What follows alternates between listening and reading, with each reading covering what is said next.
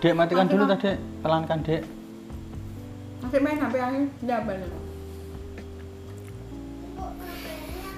Kabar terakhir Ferdinand Paleka sudah tertangkap di tol.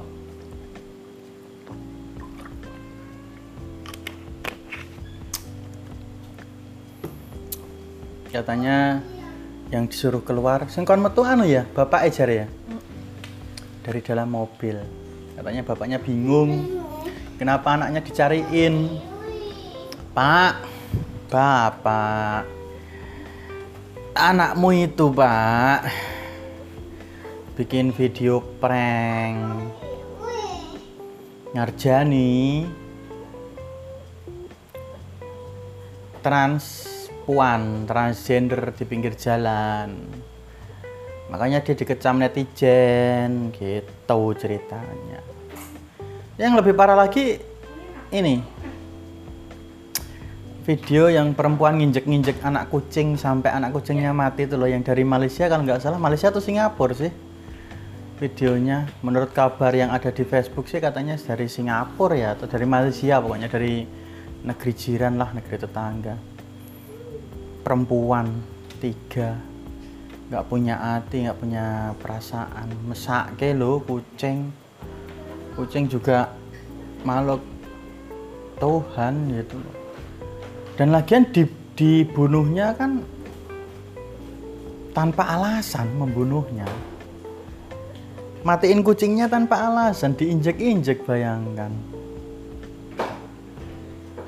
Kalau ayam disembelih untuk dimakan sapi disembelih untuk dimakan kambing disembelih untuk dimakan kucing untuk apa? Dibunuh. Nggak ada manfaatnya nggak ada faedahnya juga. Dan cara membunuhnya juga kejam disiksa dulu. Aduh kasihan. Nggak tega kalau melihat videonya sumpah. Kasihan banget nggak tega banget rasanya. Uh geram. Pengen tak tonjok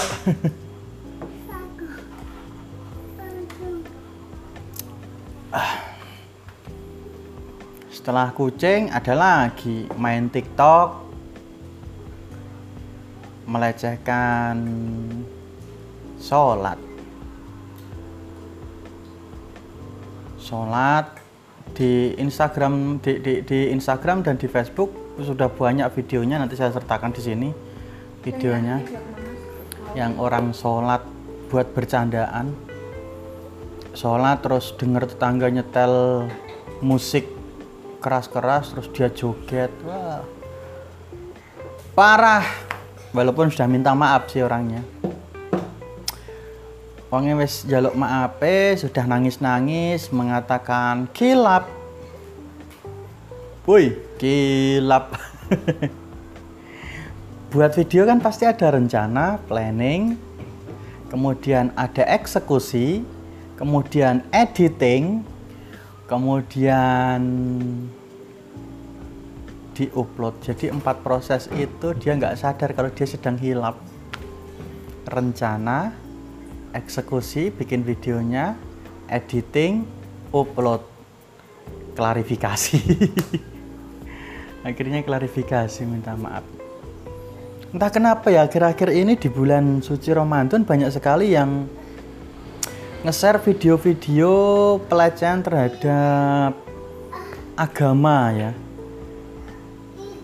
Kebanyakan juga agama Islam ada yang sholat buat mainan, kemudian ada yang ke masjid sholat teraweh malah selfie. Ada videonya. Nanti saya sertakan di sini nih videonya nih. Nah, nih pemuda-pemuda ini nih, pemuda-pemuda ini yang selfie-selfie di dalam masjid pas sholat teraweh nih. Terus ada lagi status-status. Orang yang nggak sholat disamakan dengan babi kemudian tersinggung. Kolom komentarnya hujatan-hujatan terhadap ustadz. Kemudian sesama ustadz saling lurus meluruskan tentang salah satu ceramahnya. Ada banyak sekali pertikaian-pertikaian akhir-akhir ini. Rasanya itu kayak lelah kalau melihat media sosial khususnya Facebook gitu Facebook Twitter TikTok. Kalau Instagram sih oh ya Instagram paling artisnya itu itu aja. Jadi pertikaiannya nggak se se ekstrim di Facebook dan Twitter sih. Sehingga rasanya pengen pensiun dari media sosial rasanya gaduh. Sudah nggak nyaman memang ekosistemnya kayak gitu kali ya. Jadi dulu awal-awal tahun 2008 ya 2007 2008 masih asik berbagi cerita masih asik berbagi foto berbagi video. Terus 2011 udah mulai rico kemudian 2000, 2014 ya pertama kali pemilu. Eh pemilu pertama kali 2009 ya? Eh 2009 apa 2010 sih pemilu? Yang zaman SBY bukan? Facebook itu. 2008 ya 2008 2008 belum gaduh. 2014 Pemilu gaduh itu kan dimulai tahun 2014. Gaduh di media sosial mana pun, masuk di YouTube, di Instagram, dan sekarang rame-rame eh, artis-artis, termasuk artis televisi, artis selebgram, artis Twitter, migrasi ke TikTok. Padahal di TikTok itu lebih ganas-ganas loh. Orang kalau membuli di TikTok itu wah saya melihat buliannya itu ganas gak Membulinya itu ganas-ganas. Tapi mungkin karena platformnya masih baru jadi ya masih asik kali ya seperti Facebook pertama kali muncul kan platformnya masih baru tuh masih pada meraba penjajakan gitu. Eh tapi TikTok kan sudah ada sejak Bowo ya. Artis bawa TikTok yang fenomenal itu loh dulu. TikTokers yang ngalang-ngalai artis Korea K-pop. Anak-anak kecil pada bawa bawa bawa aduh aduh aduh. Bayar jumpa fan jumpa fans yang berbayar itu loh. Meet and greet berbayar 75.000 rupiah waktu itu ya. Dan katanya kasusnya Bowo malah nggak nerima uang sama sekali ya. Sudah pensiun kali ya. Waktu itu diblokir kan TikTok sempat beberapa bulan kemudian dikembalikan lagi. Sekarang pada migrasi ke TikTok. Mungkin ekosistemnya masih baru jadi ibarat kolam itu masih tenang belum keruh. Belum banyak ikan yang berenang ke sana kemari sehingga keruh belum belum. TikTok masih bening airnya jadi masih kelihatan dari atas dari luar. Itu wah bagus sekali. Kalau biota laut itu kelihatan kerumbu terumbu karangnya itu masih alami TikTok itu.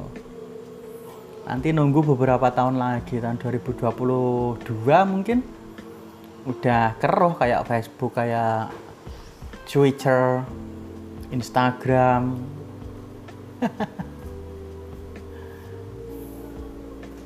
Ya emang platform paling bagus ya kembali lagi ke buku ya. Buku itu orang kalau mau komen balesnya melalui buku kan jadi banyak karya sas apa sih namanya? Karya tulis ya. Nanti kalau kita bikin penelitian jadikan sebuah buku kemudian buku itu direview oleh orang-orang pecinta buku. Wah asik tuh. Lalu dibuat buku tandingan atau buku yang menyanggah karya kita. Kan malah jadi produktif ya. Tapi itu belum ini ya belum marak orang-orang bikin buku itu masih jarang sekali jadi orang-orang kalau mau ah beli buku eh bikin buku itu rugi. Iya bikin buku itu rugi. Selain apa ya dibajak apa ya? Nah, selain dibajak buku itu juga pajak royalti. Pajak kemudian pajak sih memang kewajiban orang Indonesia untuk bayar pajak. Kalau nggak bayar pajak malah pajaknya gede pajak buku nulis buku itu. Nulis buku pajaknya katanya gede ya tapi nggak ada perlindungan hak cipta Ada. enak-enak udel ada nyatanya dibajak seenak-enak udel Loh kalau kalau mau me- apa namanya? Kalau mau menindaklanjuti pembajakan bisa kok. Tinggal dilaporkan sa- saja buku ini buku bajakan kemudian disita, pembajaknya ditangkap. Ada hakinya, ada. Istri saya itu kadang-kadang memang sok tahu dan ngawurnya luar biasa. Jadi mohon maaf kalau informasi yang disampaikan istri saya itu kadang-kadang emang salah gitu loh. Buku itu malah hakinya malah luar biasa ketat. Lebih ketat daripada video maupun ditanggapi kata siapa? Lihat kalau mau kalau mau memproses kasusnya ditanggapi kok. Punya hak yang sama di mata hukum. Kalau mau loh ya. Berhubung karena kita emang nggak mau ya males ngurus-ngurus tentang pembajakan dan lagi memang kalau pembajakan itu ditanggapi nggak akan ada habisnya kita memproses satu orang, menangkap satu orang pembajak, akan tumbuh seribu orang pembajak. Jadi nggak akan, memang nggak bisa bajakan di Indonesia dihapuskan itu emang nggak bisa. Sekarang yang bisa di, yang bisa digalakkan hanya beli yang original kampanyenya itu, karena yang bajakan itu memang bukan pasarnya orang-orang yang penggemar buku. Jadi kalau kamu punya eh, penulis kamu ngefans dengan penulis kok kamu beli bajakan?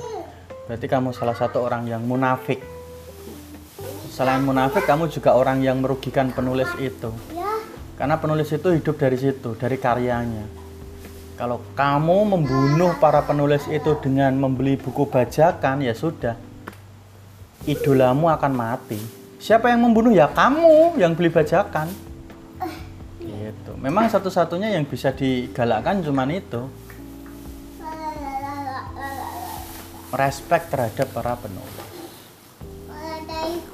Oke, itu sedikit ocehan dari saya mengenai beberapa kondisi terkini dari video-video sampah. Kata istri saya, emang channel saya itu isinya video sampah, nggak masalah, no problemo. Kamu mau like, share, komen, subscribe, terserah, tidak juga nggak masalah. Dan terima kasih telah menyaksikan video ini sampai akhir. Bila taufik walhidayah. Wassalamualaikum warahmatullahi wabarakatuh. Pak, aku udah ke. Udah dong.